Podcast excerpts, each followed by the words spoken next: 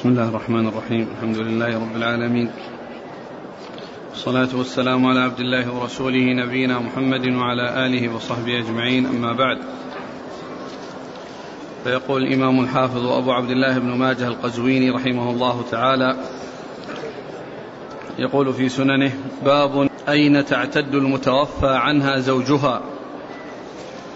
قال حدثنا أبو بكر بن أبي شيبة قال حدثنا أبو خالد الأحمر سليمان بن حيان عن سعد بن إسحاق بن كعب بن عجرة عن زينب بنت كعب بن عجرة وكانت تحت أبي سعيد الخدري رضي الله عنه أن أخته الفريعة بنت مالك رضي الله عنها قالت خرج زوجي في طلب أعلاج له فأدركهم بطرف القدوم فقتلوه فجاء نعي زوجي وأنا في دار من دور الأنصار شاسعة عن دار أهلي. فأتيت النبي صلى الله عليه وسلم فقلت يا رسول الله إنه جاء نعي زوجي وأنا في دار شاسعة عن دار أهلي ودار إخوتي ولم يدع مالا ينفق علي ولا مالا ورثته ولا دارا يملكها فإن رأيت أن تأذن لي فألحق بدار أهلي ودار إخوتي فإنه أحب إلي وأجمع لي في بعض أمري. قال فافعلي إن شئت. قالت فخرجت قريرة عيني لما قضى الله لي على لسان رسوله صلى الله عليه وسلم حتى إذا كنت في المسجد أو في بعض الحجرة دعاني فقال كيف زعمت؟ قالت فقصصت عليه فقال امكثي في بيتك الذي جاء فيه نعي زوجك حتى يبلغ الكتاب أجله؟ قالت فاعتددت فيه أربعة أشهر وعشرا. بسم الله الرحمن الرحيم. الحمد لله رب العالمين وصلى الله وسلم وبارك على عبده ورسوله نبينا محمد وعلى آله وأصحابه أجمعين. أما بعد فيقول الإمام ماجه باب أين تعتد المرأة المتوفى عنها؟ والمقصود بهذه الترجمة أن المرأة المتوفى عنها فإنها تعتد ببيت زوجها وتبقى فيه ولها حق البقاء فيه مدة العدة. وأنها لا تنتقل إلى مكان آخر. اللهم إلا إذا كان هناك ضرر سيترتب على ذلك من كونه يعني يخشى عليها من أن يتسلط عليها أحد. أو يعتدي عليها أحد أو ما إلى ذلك من الأمور التي تقتضي عدم البقاء فإن لها أن تنتقل. وأما كونها تنتقل من أجل القرب من أهلها أو تكون عند أهلها ولا وليس عليها ضرر في المكان الذي هو خاص بزوجها والذي تعتد به فإنها لا تنتقل إلى إلى مكان آخر. ثم أورد هذا الحديث عن الفريعة بنت مالك أخت أبي سعيد الخدري رضي الله تعالى عنهما أن أن أن أن أن, أن, أن, أن زينب بنت زينب. زينب بنت كعب بن عجرة. زينب بنت كعب بن عجرة آه، كانت عند أبي سعيد الخدري والفريعة أخت أبي سعيد الخدري. فذكر في الإسناد أنها كانت تحت أو كانت عند أبي سعيد تحت أبي سعيد الخدري يعني أنها زوجته. وأنها لهذه الصلة سألت الفريعة أخت أبي سعيد أخت أبي سعيد الخدري لأن ذكر أبي سعيد وكونها زوجة أبي سعيد لبيان الصلة التي قربتها أو التي جعلتها لها صلة بالفريعة. فسألت أخته الفريعة بنت مالك لأن أبو سعيد سعد بن مالك سعد بن مالك بن سنان وهذه الفريعة بنت مالك بن سنان. سألتها عن, عن, عن كيف يعني عدتها وكيف اعتدت فحدثتها بأن آه، زوجها آه، ذهب لطلب علاج له الأعلاج هم العبيد الذين من العجم كانوا يعني هربوا أو ذهبوا إلى مكان فذهب ليأتي بهم فقتلوه. ذهب ليأتي بهم فقتلوه يعني عبيده قتلوه. فلما جاءها الخبر جاءت إلى النبي عليه الصلاة والسلام وقالت إنه يعني آه، في مكان يعني شاسع وأنها تريد أن تكون عند أهلها وقريبة من أهلها فأذن لها رسول الله عليه الصلاة والسلام ثم إنه استرجعها بعد ذلك وقال لها آه كيف زعمت كيف أخبرت بالذي حصل لك؟ فأخبرته بالخبر مرة أخرى ثم إنه قال عليه الصلاة والسلام امكثي يعني في آه يعني في المكان الذي بلغك نعي فيه زوجك يعني الذي هو محلها والذي هو محل زوجها حتى يبلغ الكتاب أجله يعني حتى تنتهي من العدة. فمكثت في ذلك البيت أربعة أشهر وعشر. وهذا كما قلت إذا لم يكن يترتب على بقائها مضرة. أما إذا كان سيترتب على بقائها مضرة يعني بأن تكون المكان مخيف وأنها عرضة لأن يتسلط عليها اللصوص أو يتعرض يتسلط عليها الفساق لأنها ليس عندها أحد يحميها أو ليست قريبة من أحد يحافظ عليها فإن لها أن تنتقل إلى مكان آخر من أجل السبب الذي آه، يقتضي ذلك. أما مجرد يعني كونها ترغب تكون عند أهلها أو قريبة من أهلها فهذا لا يكفي بأن تنتقل المرأة من بيت زوجها إلى بيت أهلها وإخوتها وأقربائها. فأدركهم بطرف القدوم. يعني مكان. قيل إنه على ستة أميال من المدينة. القدوم مكان. يعني معروف معين. نعم. قال حدثنا أبو بكر بن أبي شيبة. ثقة أخرج أصحاب الكتب إلى الترمذي. عن أبي خالد الأحمر سليمان بن حيان. وهو؟ صدوق يخطئ أخرج له أصحاب الكتب. نعم. عن سعد بن إسحاق بن كعب بن عجرة. عن سعد. بن إسحاق آه. بن كعب بن عجرة. وهو؟ ثقة أخرج له أصحاب السنن. نعم. عن زينب بنت كعب بن عجرة. وهي؟ مقبولة أخرج لها أصحاب السنن. نعم. عن الفريعة بنت مالك. أخرج لها؟ أصحاب السنن. نعم وهذه المقبولة التي قال عن حافظ مقبولة ذكر يعني يعني هناك أشياء اقتضت أو جعلت بعض العلماء يصحح الحديث ولأنه صحح حديثها عدد كبير من عدد من من العلماء يعني صححوا حديثها. نعم. يقول السائل فضيلة شوف اللي ذكرهم الشيخ بشار الأشخاص اللي الذين صححوا حديثها و مع أنها الحافظ قال مقبولة. بشار. أي تحقيق السنن. نعم. تحقيق السنن ابن ماجه. اي ما هو موجود ما هو موجود؟ لا. نعم. لا مو موجود. تابع. يقول المهم انه صحح حديثها عدد. نعم. يقول فضيلة الشيخ هل يمكن أن يكون الإذن من من النبي صلى الله عليه وسلم لها في أول أمر للجواز ثم بعد ذلك المنع للاستحباب؟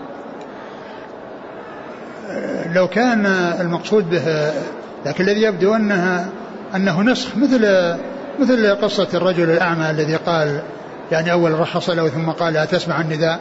قال نعم. قال فأجب فإني لا أجد لك رخصة. لأنه أولا أذن له وثانيا لم يؤذن له يعني معناه أنه حصل النسخ. نعم. إذا بلغ المرأة أن نعي الزوج وهي في بيت غير غير بيت زوجها لا بد أن تنتقل إلى بيته يعني تجلس بيت, بيت الناس. إذا كانت زائرة الناس يعني في ليلة من الليالي أو في ضحوة من الضحوات وجهة تجلس عندهم أربعة أشهر أربعة أشهر وعشر يعني تذهب إلى المقصود بيت نعي زوجها الذي هو بيت بيت زوجها.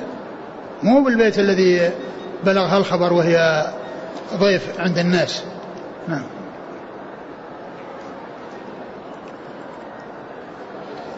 يقول هل يؤخذ من قصة الفريعة أن المفتي له أن يطلب من المستفتي إعادة السؤال بعد أن أفتاه؟ نعم إذا كان أنها آه، أراد أن يستوضح. لكن الرسول عليه الصلاة والسلام يعني سألته وأوضحت له وأجابها عليه الصلاة والسلام. ثم إنه طلب منها أن, أن, أن تعيد الجواب. فقال لها امكثي في بيتك. فإذا كان أنه يحتاج إلى استيضاح والتأكد نعم مطلوب منه.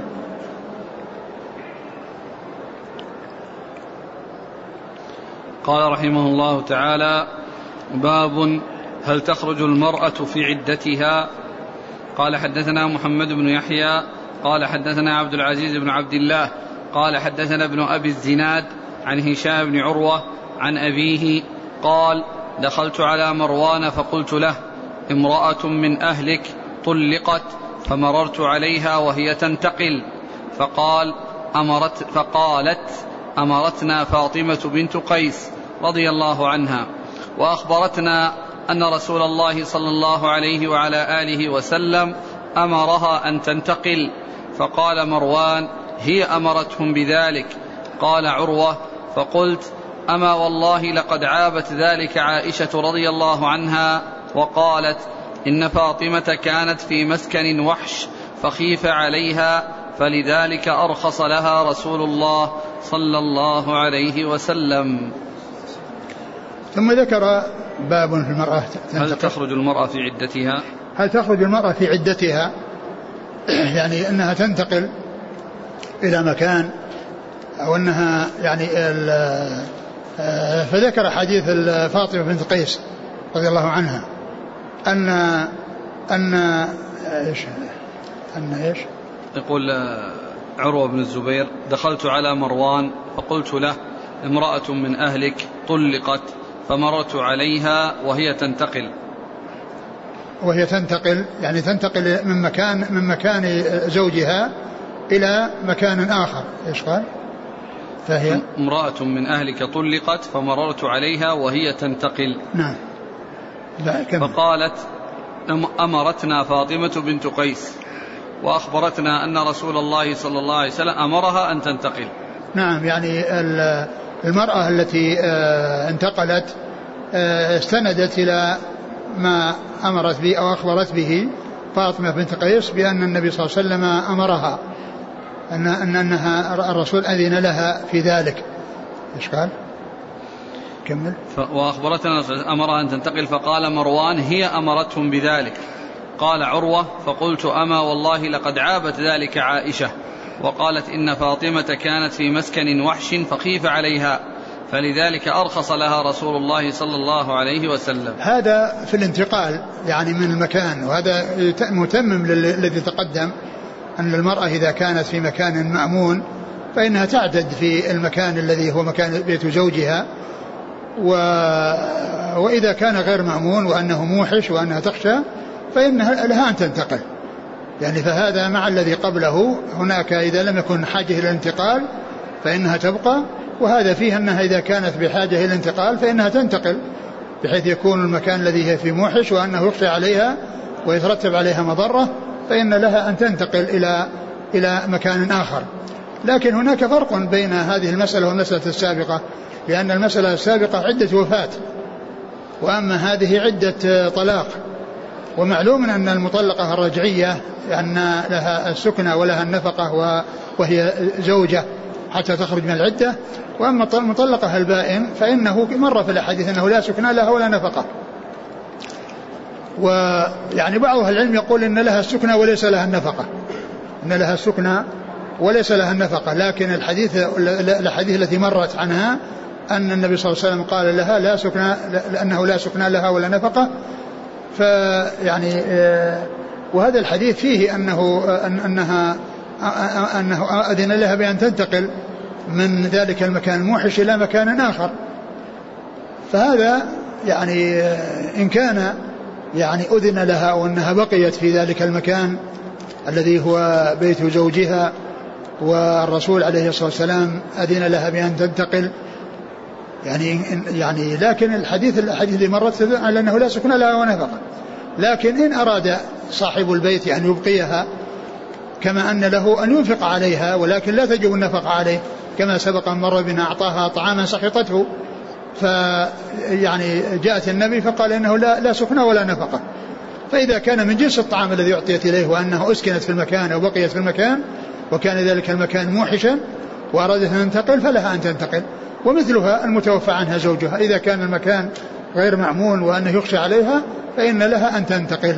فإذا هذا الحديث مع الحديث الذي قبله دالان على أن الانتقال وعدمه يترتب على حصول الضرر أو عدمه. فإن كان الضرر يعني ليس في بقائها ضرر فإنها تبقى وإن كان في بقائها يعني ضررا آه، ضرر عليها فإنها تنتقل إلى مكان مأمون عند أهلها أو عند غير أهلها. نعم. فاطمة بنت قيس يعني ما لها سكنة. آه، هي ليس المطلقة يعني سكنة ولا نفقة؟ كما قال الرسول لا سكنة لك ولا نفقة. لكن هنا يعني ذكر أنها أن أنها يعني تنتقل فلعل يعني أن هذا المكان الذي حصل مثل النفقة التي حصلت لها. يعني ليس بلازم. تبرعا. نعم.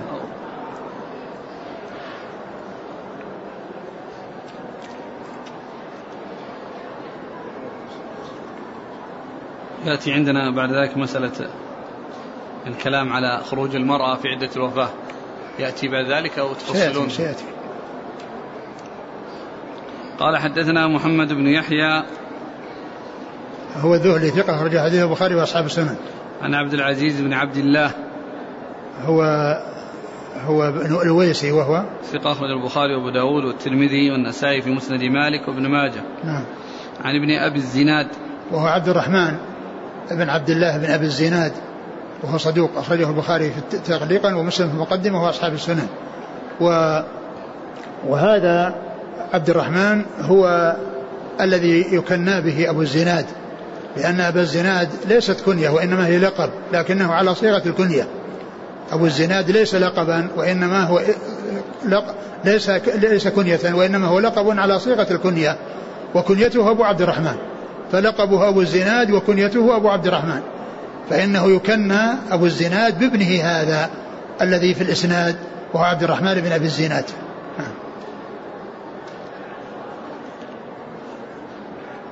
عن هشام بن عروة. ثقة أخرج أصحاب الكتب. عن أبيه آه ثقة أخرج أصحاب الكتب. عن عائشة. نعم.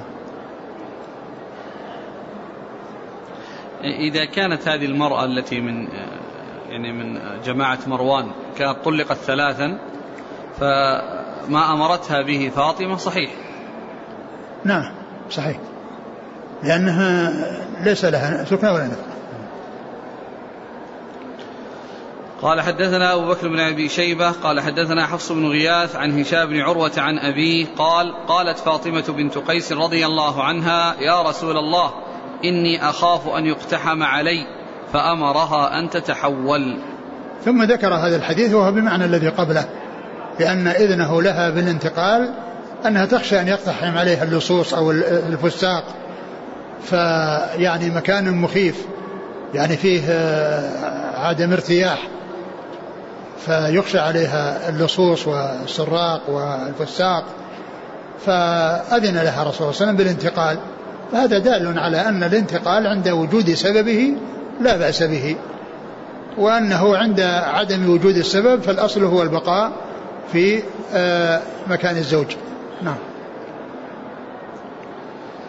قال حدثنا أبو بكر بن أبي شيبة نعم. عن حفص بن غياث ثقة أخرج أصحاب الكتب. عن هشام بن عروة عن أبيه عن فاطمة بنت قيس. نعم.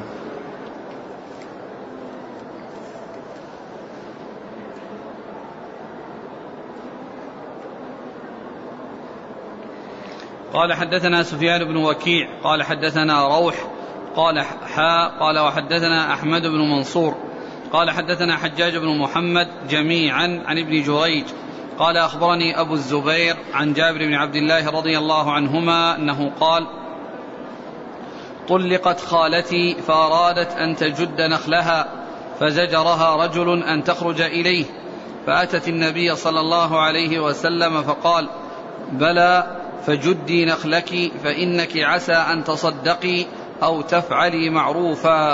أعد. عن جابر بن عبد الله رضي الله عنه قال طلقت خالتي فأرادت أن تجد نخلها فزجرها رجل أن تخرج إليه.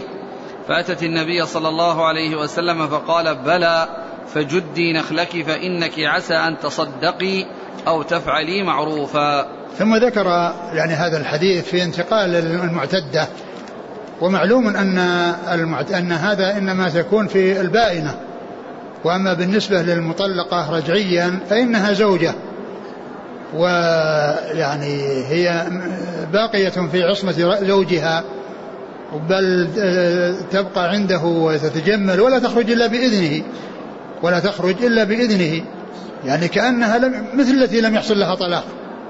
لأن الرجعية زوجة يتوارثان ما دامت العدة ولها النفقة ولها أن تتجمل ويعني وقد يراجعها وقد يواقعها ويكون وقاعه رجعة لها لكن عليها يشهد كما عرفنا ذلك من قبل وإلا فإن المواقعة للرجعية تعتبر رجعة كونه واقعها لكن السنة أن يشهد ولا وكما عرفنا فيما مضى يعني ليس الأمر يعني متوقفا الرجعة متوقفة على الإشهاد والطلاق متوقف على الإشهاد وإنما هو مشروع ومطلوب وإلا فإن الطلاق آه، إذا اعترف به الزوج فإنه يقع ولكن السنة أن يشهد وكذلك الرجعة لو راجع بدون لو راجع بالجماع فإن ذلك مراجعة.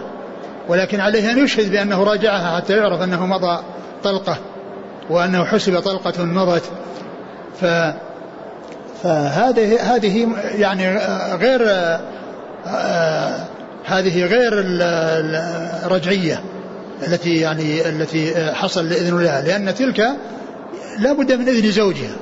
أما البائن فهذه التي ليس لزوجها عليها سبيل إلا بعد أن تكح رجل آخر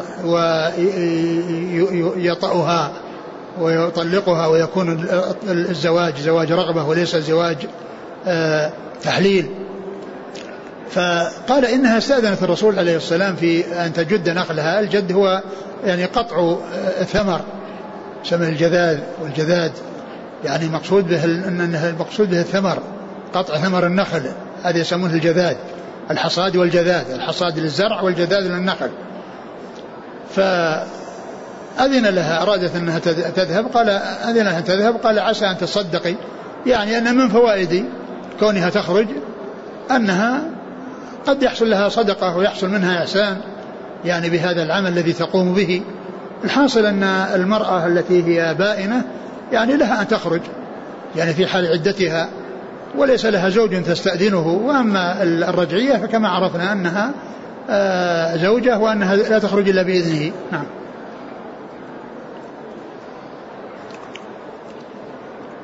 قال حدثنا سفيان بن وكيع.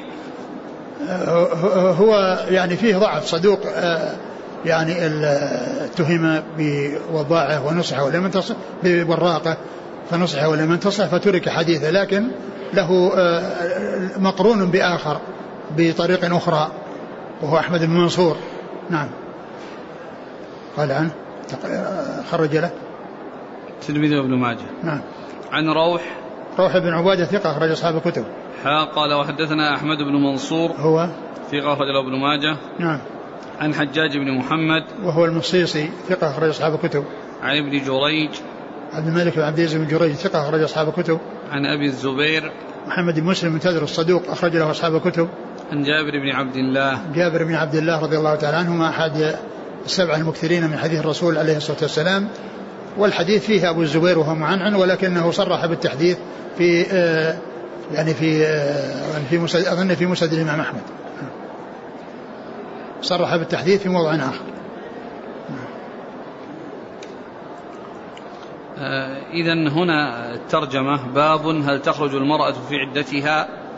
الأحاديث التي أوردها أراد أنها عدة الطلاق. طلاق لكن الطلاق الثلاث نعم البائن إيه أما إيه وكذلك وكذلك مثل إيش؟ أما الرجعية لا يشمل هذا لا يشمل لا يشملها نعم.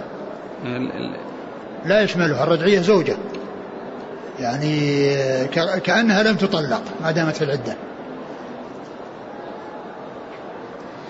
قال رحمه الله تعالى باب المطلقة ثلاثا هل لها سكنى أو نفقة؟ قال حدثنا أبو بكر بن أبي شيبة وعلي بن محمد. قال حدثنا وكيع. قال حدثنا سفيان عن أبي بكر بن أبي الجهم بن صخير العدوي. قال سمعت فاطمة بنت قيس رضي الله عنها تقول إن زوجها طلقها ثلاثا فلم يجعل لها رسول الله صلى الله عليه وسلم سكنى ولا نفقة.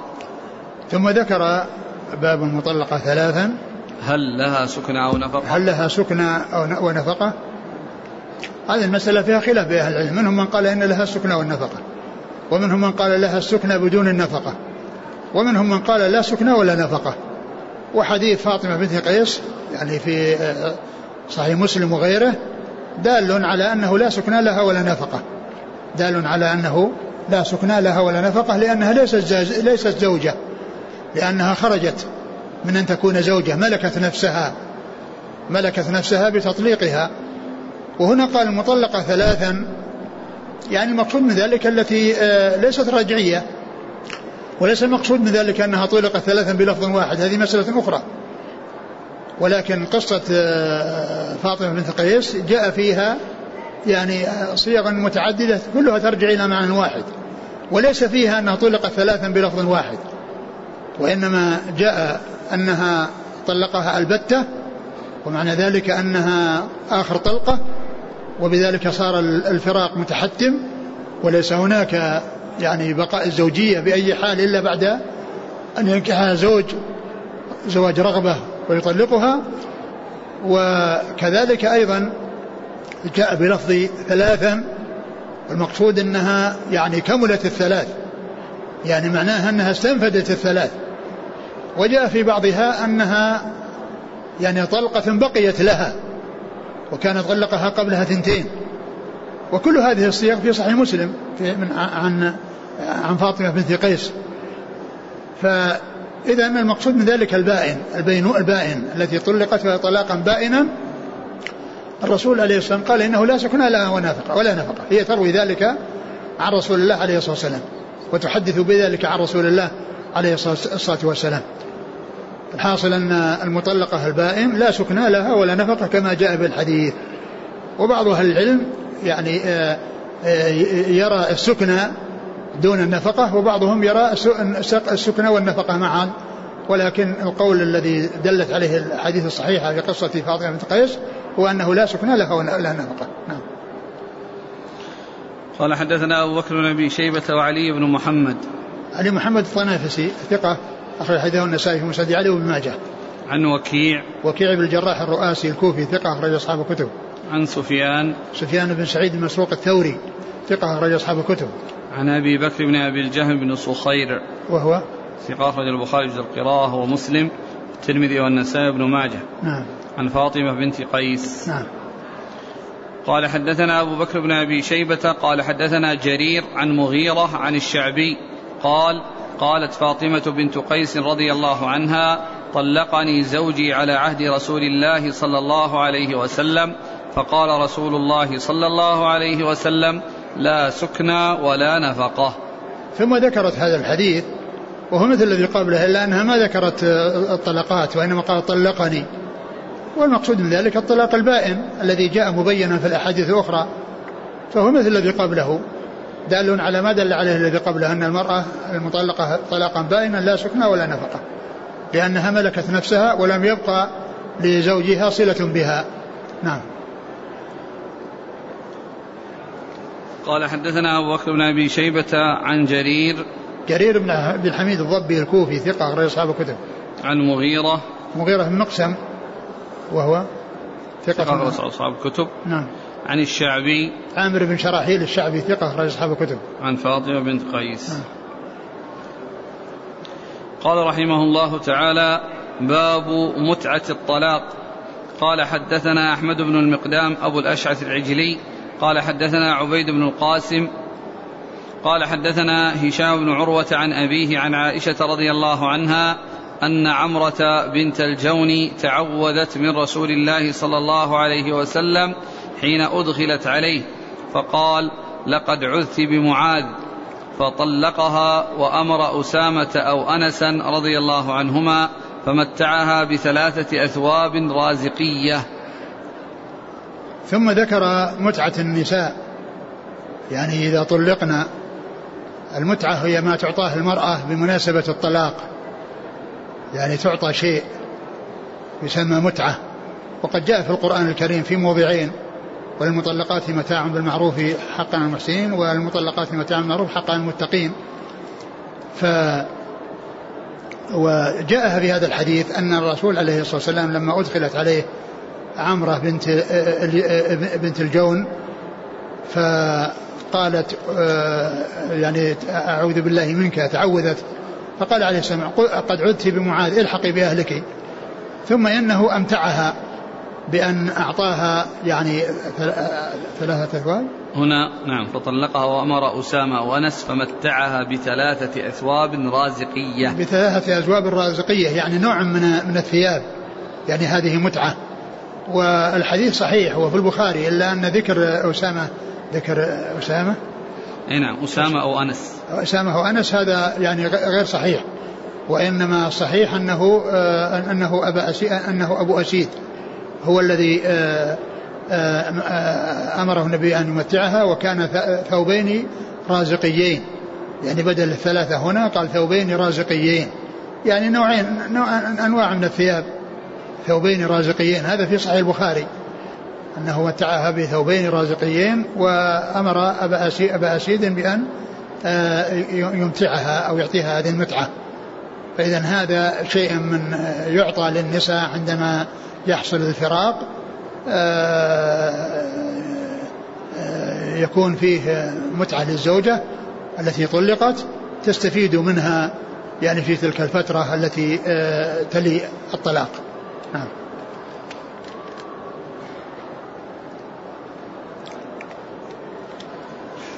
قال حدثنا أحمد بن المقدام أبو الأشعث العجلي. هو؟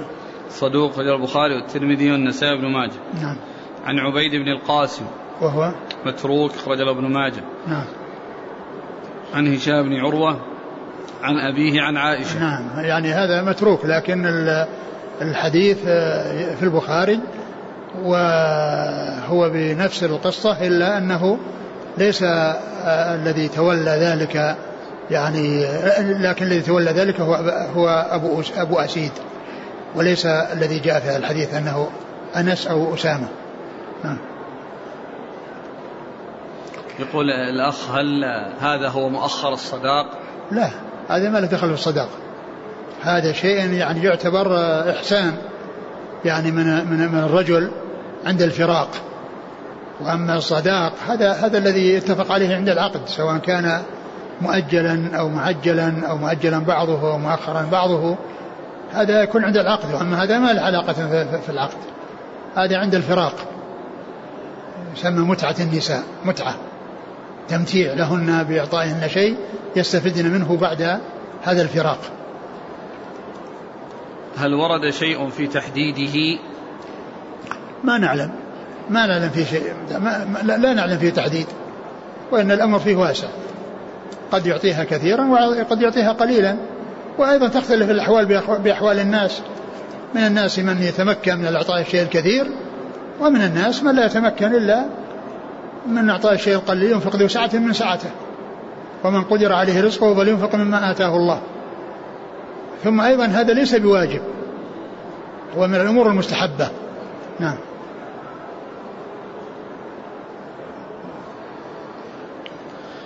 قال رحمه الله تعالى باب الرجل يجحد الطلاق.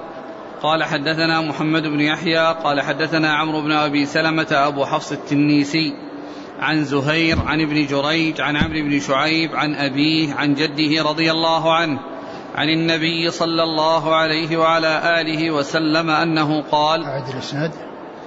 قال حدثنا محمد بن يحيى قال حدثنا عمرو بن أبي سلمة أبو حفص التنيسي عن زهير عن ابن جريج عن عمرو بن شعيب عن أبيه عن جده رضي الله عنه عن النبي صلى الله عليه وعلى آله وسلم أنه قال إذا ادعت المرأة طلاق زوجها فجاءت على ذلك بشاهد عدل استحلف زوجها فإن حلف بطلت شهادة الشاهد وإن نكل فنكوله بمنزلة شاهد آخر وجاز طلاقه. ثم ذكر هذه الترجمة وهي باب الرجل يجحد الطلاق. باب الرجل يجحد الطلاق. يعني يدعى عليه بالطلاق فيجحده. يعني يقال له من جهة الزوجة وأهلها أنه طلقها وهو لا يوافق على ذلك ويجحد ذلك. يقول ما ما حصل مني طلاق. هم يقول أنت طلقت وهو يقول لا ما حصل طلاق. والأصل هو بقاء الزوجية حتى يثبت الطلاق. إما باعترافه أو بشهود. يعني شاهدان يشهدون بأنه حصل منه الطلاق. يشهدان بأنه حصل منه الطلاق. لكن ال ال إذا إذا لم يحصل إلا شاهد واحد ولم يحصل شاهد معه قال يعني جاء في هذا الحديث أنه يستحلف الزوج بأنه ما طلق. فإن حلف فإن ذلك الشاهد يعني لا تعتبر شهادته لأنه ما كمل النصاب. الذي تكون به الشهادة. وإن نكل. وإن نكل يعني امتنع من الحلف ف فنكوله بمنزلة شاهد. فنكوله بمنزلة شاهد. يعني معناه أن نكوله يعني امتناعه بمنزلة شاهد. فيحصل الطلاق يعني بذلك. ومعلوم أن في مسائل المال في مسائل المال أن الرسول عليه الصلاة والسلام قضى بالشاهد واليمين. قضى بالشاهد واليمين لأن إذا وجد يعني المدعي يدعي شيئا ثم إنه وجد شاهد ولم يجد شاهدا آخر فإنه يحلف يعني مع اليمين مع الشاهد فيقضى له بالشاهد يقضى بالشاهد واليمين. يقضى بالشاهد واليمين لأن مع المدعي بينة ولكنها ناقصة. فيضم فإذا حلف إليها ضم إلى الشاهد فصار يقضى به.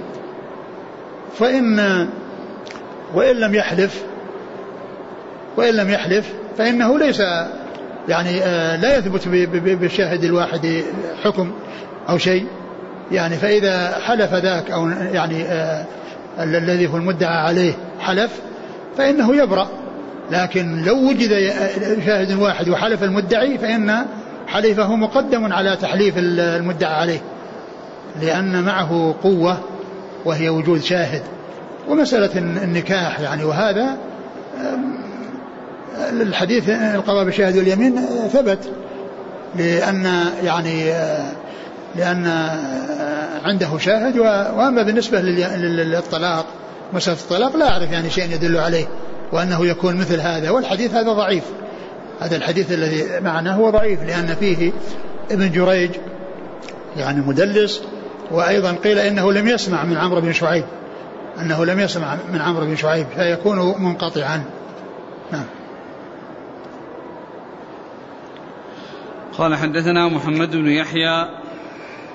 الذهلي ثقة أخرجه البخاري وأصحاب السنن عن عمرو بن أبي سلمة. هو صدوق له أوهام أخرجه نعم. أصحاب الكتب. نعم. عن زهير. زهير بن محمد وهو؟ ثقة أخرج أصحاب الكتب. نعم. عن ابن جريج. وهو ثقة أخرج أصحاب الكتب. عن عمرو بن شعيب. عمرو بن شعيب صدوق أخرجه البخاري آه، في جزء القراءة وأصحاب السنن. وأبوه شعيب بن محمد صدوق أخرج له البخاري في آه، الأدب المفرد. وجزء القراءة وأصحاب السنن. وعن جده الذي هو عبد الله بن عمرو بن العاص رضي الله تعالى عنهما. وحديثه أخرجه أصحاب الكتب الستة.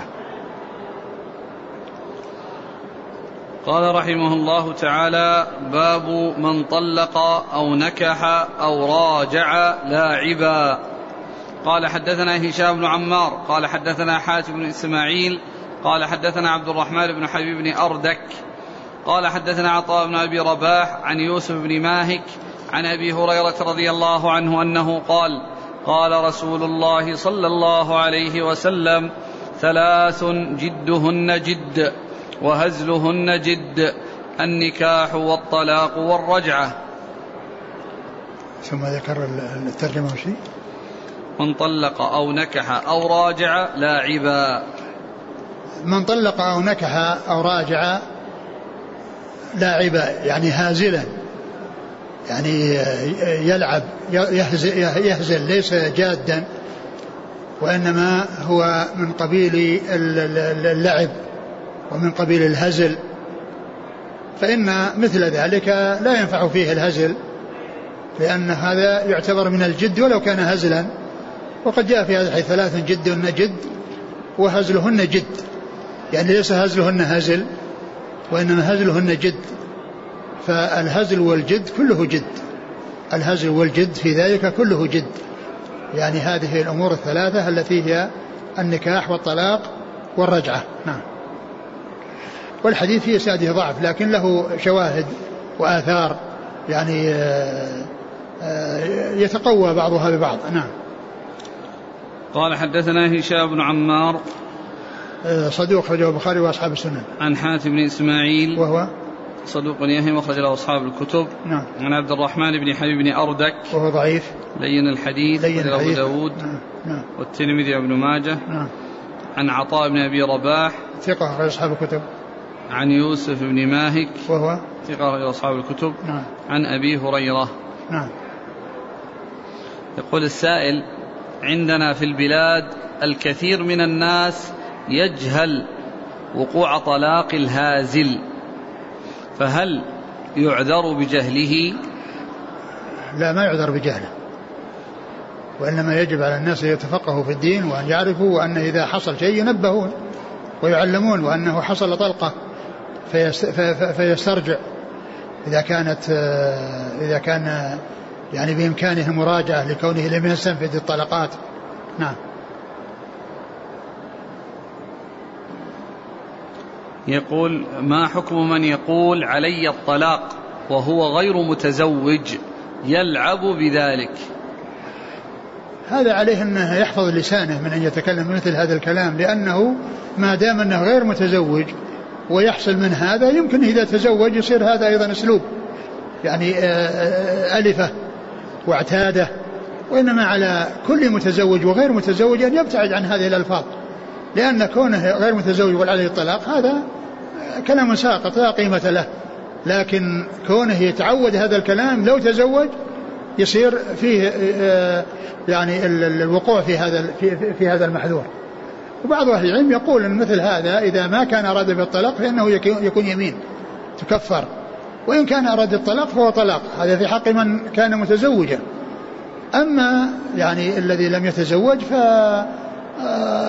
طلاقه يعني لا عبرة به لأنه ما عنده يعني مكان حد يطلق. حتى لو لو طلق قال إذا تزوجت فهي طالق أيضا كذلك. لا يعتبر إلا إذا كان زواج قائم. نعم. الأخيرة هذه. نعم. لو قال يعني إذا تزوجت أو, أو, أو يعني إذا تزوجت فزوجتي طالق. إذا تزوجت أو زوجتي يعني بعد الزواج طالق. يعني هذا يعني ما يكون الطلاق إلا إذا وجد لأن له باب سيأتي خاص بهذا. نعم. هل ورد حديث بصيغة ثلاث جد ونجد هزل ونجد النكاح والطلاق والعتاق؟ جاء في هذا بس ما تذكر يعني تذكر الآن شيء ولا في عتق موجود. أيضا كذلك هزل. نعم. الهزل جد. أيوة، الحافظ ابن حجر في البلوغ بعد أن ذكر هذا الحديث حديث أبي هريرة قال رواه الأربعة إلا النسائي وصححه الحاكم. قال وفي رواية لابن عدي من وجه آخر ضعيف الطلاق والعتاق والنكاح. الطلاق والعتاق بدل الرجعة. نعم. ما ذكر أربعة؟ قال ول لا ثلاث. قال وللحارث بن أبي أسامة من حديث عبادة بن الصامت رفعه لا يجوز اللعب في ثلاث. الطلاق والنكاح والعتاق. فمن قالهن فقد وجبن وسنده ضعيف. هي الأحاديث اللي وردت في هذا لا تخلو من ضعف لكن بمجموعها يتقوى الحديث.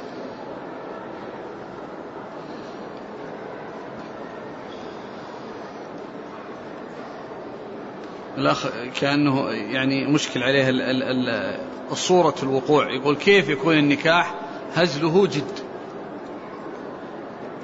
يقول يقول يقول هذا زوجت وإذا يقول قبلت. وهذا يعني هازل. نعم. الشارح ذكر أن جميع العقود آه، الهزل فيها يعني واقع وإنما هنا يقول خلاف في هذه نعم. ها؟ أو خلاف في هذه ولا غيرها الكلام في هذه ولا غيرها الواقع نعم لا شك. دون يعني آه، يعني لو يعني كان هازل لا لا لا الهازل ما يقع الهازل يعني يقول كل كل العقود إن الهازل فيها جد هو الهزل هو في هذه الأمور. ولا قد يصير الإنسان هازل ولا يصير يعني يتضاحكون في البيع والشراء ولا يلزم شيء. لانهم يعني ما قصدوا وهم يلعبون. هنا أحسن الله إليك. يقول قالوا والحكم في جميع العقود بالبيع والهبة مساواة الجد والهزل من يقول هذا؟ من يقول أبدا إذا كان هم يعرفون يقول متفقين على أنهم يهزلون يلعبون يعني يصير جد. وإنما خص هذه الثلاثة لتأكيد أمر الفرج والاهتمام به أصلا يعني أصلا الحديث الذي ورد إنما هو في هذه الأشياء. أما غيرها فذكر هذه الثلاث يعني دال على أن غيرها يمكن أن يهزل فيه وأنه لا يلزم. فهم إذا كانوا متفقين على أنهم يهزلون. متفقين على أنهم يهزلون ما عندهم على عزم على بيع. وإنما يعني مثل ما يقولون تمثيل التمثيل الذي لا يجوز. يعني لا يقال إن كل شيء الجد فيه الهزل فيه جد أبد من اللي يقول من اللي يحكي هذا؟ هو هذا السندي وش يقول؟ لما تكلم قالوا قد استدل به وقد استدل به من يقول بطلاق المكره ورد بأن الهازل يتكلم بالطلاق من عن غير عن قصد واختيار كامل المتكلم المتكلم به وبذلك يقع طلاقه ويلزمه حكمه ولا يلتفت إلى عدم رضاه بحكمه بخلاف المكره فإنه ملجأ لا اختيار له في التكلم بالطلاق قصدا ويفارق الطائع به. قالوا والحكم في جميع العقود بالبيع والهبة مساواة الجد والهزل. وإنما ما أدري قالوا من من يقصد بذلك؟ يعني المسألة لو كان فيها إجماع ما احتاج إلى أن يعني يتكلمون عن الحديث أنه ضعيف وأنه فيه ضعف وأن فيه ما جاء من طريق فيه ضعف. كان خلاص الإجماع يكفي.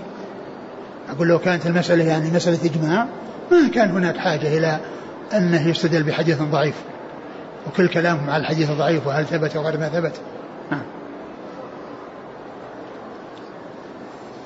لكن لعله يعني سنة الحنفية كان هذا رأي الحنفية لا أدري. يعني أما كل مسألة مجمع فيها ما فيها إجماع. قال رحمه الله تعالى باب من طلق في نفسه ولم يتكلم به. قال حدثنا أبو بكر بن أبي شيبة قال حدثنا علي بن مسهر وعبدة بن سليمان حا قال وحدثنا حميد بن مسعدة قال حدثنا خالد بن الحارث جميعا عن سعيد بن أبي عروبة عن قتادة عن زرارة بن أوفى عن أبي هريرة رضي الله عنه أنه قال قال رسول الله صلى الله عليه وسلم إن الله تجاوز لأمتي ما حدثت به أنفسها ما لم تعمل به أو تتكلم به. ثم ذكر باب من طلق في نفسه. من طلق في نفسه ولم يتكلم في نفسه ولم يتكلم به. يعني لم يتكلم ولم يكتب. لأن الكتابة مثل الكلام. لو كتب طلاق زوجته بخطه فإنها تكون طالقا بذلك. ليس مقصور على الكلام لكن الكلام هو الغالب. والخط هو النادر أو القليل. وإلا فإن الحكم واحد. وأورد هذا الحديث أن الله تجاوز لأمتي ما حدثت بأنفسها ما لم تتكلم أو تعمل ما لم تكلم ما لم تعمل وتكلم به يعني هذا الذي نواه أو هذا الذي آه، في قلبه وفي نفسه. فإنه مجرد حديث الناس لا يحصل به طلاق. إنسان انقدح في ذهنه شيء فإن ذلك لا يعتبر طلاقا. يعني لا لا ما الطلاق ولا غير الطلاق. كل ما يقع في النفس وكل ما يعني يقع في الإنسان لا يلزم كان أن يكون يعني وقع في نفسه أنه يتصدق وقع في نفسه أنه كذا. لا لا تثبت لا يثبت بذلك حكم حتى يحصل منه كلام أو آه، كتابة أو عمل إذا كان من الأشياء التي يعني التي هي عمل. وهنا بالنسبة للطلاق إما كلام وإما خط. إما كلام وإما كتابة. فما وقع أو ما حدث الإنسان نفسه بأنه طلق أو طلق في نفسه ولم يتلفظ ولم يكتب فإنه لا يقع طلاق لقوله صلى الله عليه وسلم إن الله تجاوز لأمتي ما حدث أنفسها ما لم تكلم وتعمل. نعم. قال حدثنا أبو بكر بن أبي شيبة عن علي بن مسهر ثقة أخرج أصحاب الكتب. وعبده بن سليمان ثقة أخرج أصحاب الكتب. حا قال وحدثنا حميد بن مسعدة صدوق أخرجه مسلم وأصحاب السنة. عن خالد بن الحارث وهو الهجيمي ثقة أخرج أصحاب الكتب. عن سعيد بن أبي عروبة. ثقة أخرج أصحاب الكتب. عن قتادة. بن دعامة السدوسي البصري ثقة أخرج أصحاب الكتب. عن زرارة بن أوفى. وهو ثقة أخرج أصحاب الكتب. عن أبي هريرة. نعم.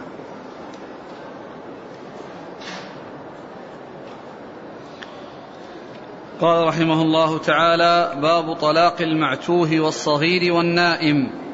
قال حدثنا أبو بكر بن أبي شيبة قال حدثنا يزيد بن هارون حاء قال وحدثنا محمد بن خالد بن خداش ومحمد بن يحيى قال حدثنا عبد الرحمن بن مهدي قال حدثنا حماد بن سلمة عن حماد عن إبراهيم عن الأسود عن عائشة رضي الله عنها أن رسول الله صلى الله عليه وسلم قال رفع القلم عن ثلاثة عن النائم حتى يستيقظ. وعن الصغير حتى يكبر وعن المجنون حتى يعقل أو يفيق. قال أبو بكر في حديثه وعن المبتلى حتى يبرأ. ثم ذكر هذا الحديث هذه الترجمة وهي باب طلاق المعتوه والصغير والمجنون والنائم. والنائم. ثم أورد هذا الحديث أن النبي صلى الله عليه وسلم قال رفع القلم عن ثلاثة. عن الصغير حتى يبلغ وعن المجنون حتى يفيق وعن الصغير. عن, عن, النائم حتى يستيقظ. وعن النائم حتى يستيقظ. يعني معنى ذلك أن هؤلاء رفع عنهم القلم. فلو أن إنسان طلق يعني وهو نائم بأن يعني صار يتحدث في نومه وهو نائم بالطلاق ويقول طلقته فإن ذلك لا يقع. وكذلك المجنون أو المعتوه الذي يعني لا عقل له فإنه لا يقع منه الطلاق. نعم. قال أبو بكر في حديثه وعن المبتلى حتى يبرأ. كأن المقصود به المبتلى يعني إما أن يكون المقصود به المجنون المقصود به المجنون أو المعتوه الذي يعني حصل له يعني ذلك النقص وذلك الخلل حتى يبرأ يعني منه. نعم فيصير مثل بدل المجنون حتى هذا قال المبتلى حتى يبرأ. قال حدثنا أبو بكر بن أبي شيبة عن يزيد بن هارون. الواسطي ثقة أخرج أصحاب الكتب. حاوة قال حدثنا محمد بن خالد بن خداش. هو؟ صدوق يغرب أخرجه ابن ماجه. نعم. ومحمد بن يحيى نعم. عن عبد الرحمن بن مهدي. ثقة أخرج أصحاب الكتب. عن حماد بن سلمة. ثقة أخرجه البخاري تعليقا ومسلم وأصحاب السنن عن حماد. بن أبي سليمان وهو؟ صدوق له أوهام نعم. البخاري في الأدب المفرد وتعليقا ومسلم وأصحاب السنن نعم. عن إبراهيم. هو النخعي ثقة أخرج أصحاب الكتب. عن الأسود. ثقة أخرج أصحاب الكتب. عن عائشة. نعم.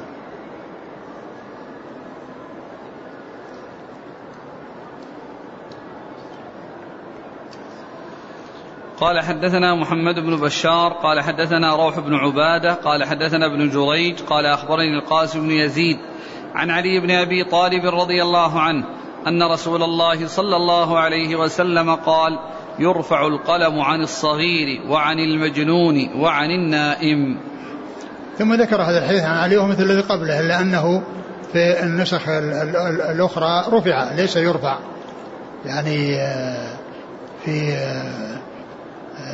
في في في بعض النسخ أو في بعض يرفع جاءت في بعض النسخ وجاء فيها رفع ما يطابق الحديث الذي مضى وهو رفع القلم عن ثلاثة ليس يرفع وإنما جاء في بعض النسخ يعني التي في هذه وفي طبعة عبد الباقي وأما الطبعة التي فيها تعليق الشيخ ناصر وكذلك النسخة التي فيها بشار وكذلك نسخة أظن هذا اللي هو فيها ذكر رفع مما يطابق ال يطابق الروايات الأخرى. نعم. قال حدثنا محمد بن بشار. هو بن دار ثقة أخرج أصحاب الكتب. عن روح بن عبادة. نعم. عن ابن جريج عن القاسم بن يزيد. هذا مجهول. وجاء ابن ماجه. نعم. عن علي بن أبي طالب. لكن الحديث كما هو معلوم وإن كان في هذا المجهول لأن المتن صحيح. جاء من في أحاديث أخرى. نعم. قال رحمه الله تعالى باب طلاق المكره والناس. قال حدثنا إبراهيم بن محمد بن يوسف الفريابي. قال حدثنا أيوب بن سويد. قال حدثنا أبو بكر الهذلي عن شهر بن حوشب عن أبي ذر الغفاري رضي الله عنه أنه قال قال رسول الله صلى الله عليه وسلم إن الله تجاوز لي عن أمتي الخطأ والنسيان وما استكرهوا عليه. ثم ذكر هذا الحديث آه، أن الله تجاوز اليوم عن أمة الخطأ والنسيان وما استكره عليه. يعني هذا يدل على أن المكره على الطلاق أنه لا يقع طلاقه. كما أن المكره على الكفر يعني إذا كان قلبه مطمئنا بالإيمان لا يكون كافرا. فكذلك الذي أكره وألجأ وألزم ولم يجد بدا من أن يطلق فإن طلاقه لا يقع لأنه هذا مما تجاوز الله عنه. ومما عفي عنه حتى في الشرك الذي هو يعني أظلم الظلم وأبطل الباطل وأعظم الذنوب فإن المكره لا يكون كافرا إذا نطق بالكفر حيث يكون قلبه مطمئنا مطمئنا بالإيمان.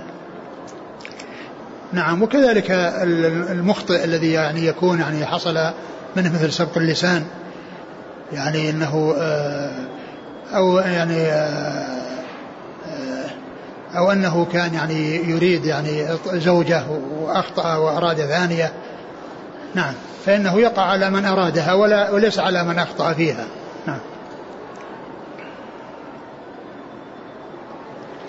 قال حدثنا إبراهيم بن محمد بن يوسف الفريابي. هو؟ صدوق رجل ابن ماجه. نعم. عن أيوب بن سويد بن سويد. هو؟ صدوق يخطئ رجل أبو داود والترمذي وابن ماجه. نعم. عن أبي بكر الهذيلي وهو؟ اخباري متروك الحديث. نعم. رجل ابن ماجه. نعم. عن شهر بن حوشب. وهو؟ صدوق كثير الإرسال والأوهام. نعم. رجل البخاري المفرد ومسلم نعم. وأصحاب السنن. نعم. عن أبي ذر الغفاري. عن أبي ذر الغفاري رضي الله عنه أخرجه أصحاب الكتب. قال حدثنا هشام بن عمار. قال حدثنا سفيان بن عيينة عن مسعر عن قتادة عن زرارة بن أوفى عن أبي هريرة رضي الله عنه أنه قال عن أبي هريرة رضي الله عنه أنه قال قال رسول الله صلى الله عليه وسلم إن الله تجاوز لأمتي عما توسوس به صدورها ما لم تعمل به أو تتكلم به وما استكره عليه. ثم ذكر هذا الحديث الذي يتعلق بالإكراه وفي أوله ما توسبه صدورها ما لم تكلم وتعمل به هذا مثل الحديث الذي تقدم تجاوز الأمة الخطأ والنسيان وما استكره عليه. الحديث الأول الذي الذي آه، الله تجاوز لي نعم الخطأ نسيان ويشركوا عليه. هنا ذكر الحديث الوسوسة. والحديث الوسوسة سبق أن تقدم قال أن, أن, أن آه ما تجاوز ما حدث بأنفسها ما حدث بأنفسها ما لم تكلم وتعمل. يعني فأوله مطابق لذاك الحديث وآخره مطابق للحديث الذي قبله الذي هو ذكر الإكراه نعم يعني الحديث مشتمل على جملتين الجملة الأولى تقدمت في الحديث الوسوسة في, في الطلاق يعني وحديث النفس. والثاني الإكراه في الحديث السابق نعم. قال حدثنا هشام بن عمار نعم. عن سفيان بن عيينة ثقة أخرج أصحاب الكتب. عن مسعر ابن كدام ثقة أخرج أصحاب الكتب. عن قتادة عن زرارة عن أبي هريرة. نعم.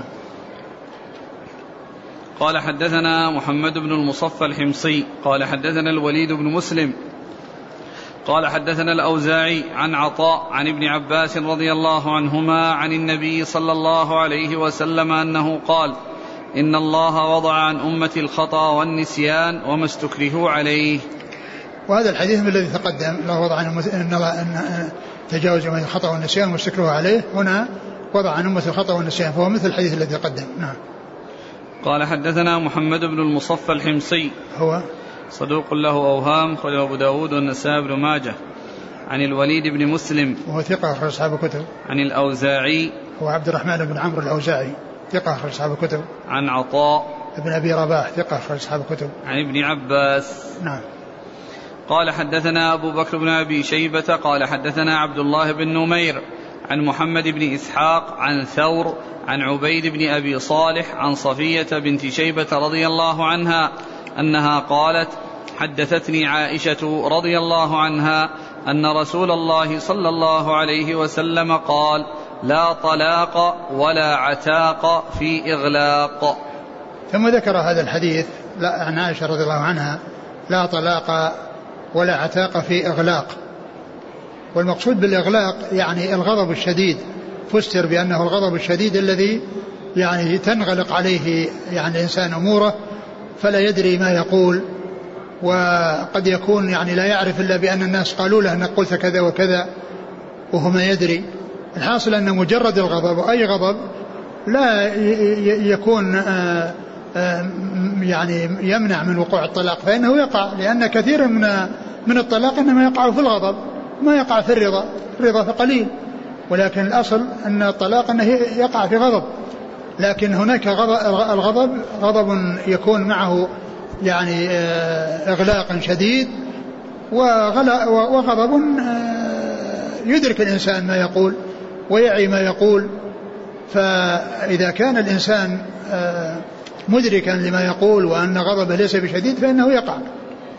وأما إذا كان الغضب الشديد بحيث يعني تنغلق عليه أموره ولا يعي ما يقول وقد يخبره الناس أنك قلت كذا وهو يقول يعني ما أدري إنسان قلت هذا الكلام لا أدري فإن هذا لا يقع فيه الطلاق. لهذا الحديث قال لا طلاق ولا عتاق في إغلاق. نعم. قال حدثنا أبو بكر بن أبي شيبة عن عبد الله بن نمير. ثقة أخرج أصحاب الكتب. عن محمد بن إسحاق. وهو صدوق أخرجه البخاري تعليقا ومسلم أصحاب السنة. عن ثور. عن ثور هو؟ بن يزيد الحمصي ثقة أخرجه البخاري وأصحاب السنن. نعم. عن عبيد بن أبي صالح. وهو؟ ضعيف رجله أبو داود بن ماجه. نعم. عن صفية بنت شيبة. آه هي؟ لها رؤية. نعم. رجل أصحاب الكتب. عن عائشة رضي الله عنها. نعم. الشيخ ناصر في عليه؟ حسن. حلل إيش؟ الإرواء وصحيح أبي داود. نعم. باب لا طلاق قبل النكاح. والله تعالى أعلم وصلى الله وسلم وبارك على عبده ورسوله نبينا محمد وعلى آله وأصحابه أجمعين. جزاكم الله خيرا وبارك الله فيكم. ألهمكم الله الصواب ووفقكم للحق. ونفعنا الله ما سمعنا وغفر الله لنا ولكم وللمسلمين أجمعين. سبحانك اللهم وبحمدك أشهد أن لا إله إلا أنت أستغفرك وأتوب إليك